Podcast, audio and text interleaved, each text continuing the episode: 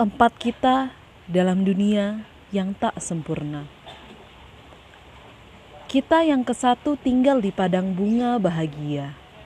Orang-orang di sekitar kita ramah dan penuh cinta. Sejelek-jeleknya, mereka abai, tapi tidak sampai mengganggu kita. Kita tidak tahu, di luar sana, dunia tak seindah rumah kita. Kita tidak tahu, banyak orang yang setiap hari berjuang keras dan bertaruh nyawa. Dunia mereka seperti cerita dalam novel-novel distopia yang memenuhi rak buku kita. Yang kita baca di waktu luang untuk merasakan nikmatnya ketegangan di tengah kehidupan kita yang datar-datar saja. Ketika ada yang menunjukkan cacat-cacat yang selama ini luput dari pandangan kita, reaksi pertama kita adalah, "Ah, masa?" Kita yang kedua tahu, dunia bukanlah padang bunga. Kita tahu ada banyak kejadian tak menyenangkan yang kerap terjadi, pun kita sendirilah yang mengalami. Tapi kita begitu terbiasa dengan segala bentuk kekerasan dan caci maki. Memang sifat mereka seperti itu. Salahmu sendiri gak jaga diri. Demikian kata orang-orang di sekitar kita. Itulah yang kita percaya. Kita pun membutakan mata kita, menulikan telinga kita, membisukan bibir kita, membelenggu tangan dan kaki kita. Jika kita tak berdaya, bukankah kita tak mampu menyebabkan luka? Kita tak paham dengan orang-orang yang memilih untuk melawan. Apa sih sebenarnya yang perlu ditentang?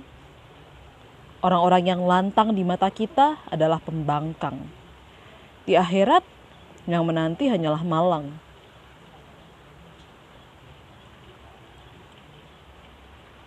Kita yang ketiga hidup di dunia yang kejam. Pengalaman-pengalaman muram membuat pandangan kita menjadi buram. Kita tahu, bukan kita yang seharusnya merintih. Ada yang salah di dunia ini dan kesalahan harus diperbaiki. Namun, rasa pedih masih berdenyut-denyut perih. Sakit dan marah mendorong kita untuk menegakkan batas antara kita dan orang-orang yang mudah menyakiti. Hari-hari kita diisi dengan pertempuran. Malam-malam kita dirundung oleh kecemasan. Kata semurah apa pun dan gerak-gerik sekecil apa pun mendorong kita dalam pusaran kemurkaan. Pada kita-kita yang lain, kita yang ketiga kehilangan kesabaran. Kita menuntut, kalian mau dibodohi sampai kapan?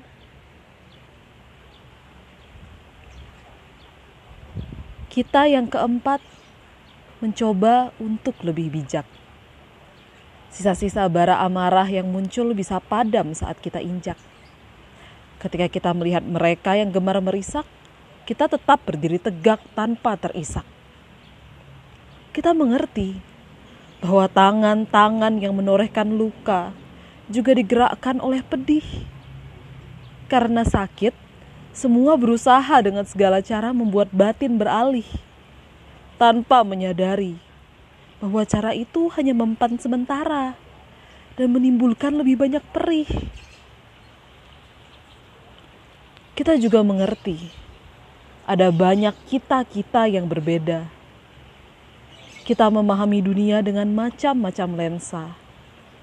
Pun ada dinding-dinding pengalaman yang mengaburkan mata dan menyekat raga. Kita yang keempat berhasil meruntuhkan dinding dan bertemu jalan menuju cahaya walau penuh bahaya. Tapi kita juga menerima bahwa tak semua wajib dan mampu mengaral rintang bersama kita sekarang juga setiap langkah kita disertai ulas asih tak hingga harapan agar saat kita menggapai cahaya, semua kita akan lepas dari belenggunya. Kita adalah keempat sosok itu. Kita, artinya aku dan kamu, adalah satu. Deritamu juga deritaku. Jadi, saat kamu menderita karena sesuatu yang tak kupahami, aku bisa berempati, berusaha memahami, dan ikut berjuang bersamamu. Bukan mengingkari pengalamanmu, apalagi sampai mematahkan perjuanganmu. Dunia kita tidak sempurna. Karenanya, kita harus berjuang keras agar bisa bertahan dengan berbagai cara dan membuat semua itu menjadi lebih baik dari sebelumnya. Semoga ini bisa menjadi pengingat bahwa kita tidak sendiri saja, bahwa kita bisa mengenal beragam kita dan bergandengan tangan meraih asa yang sama.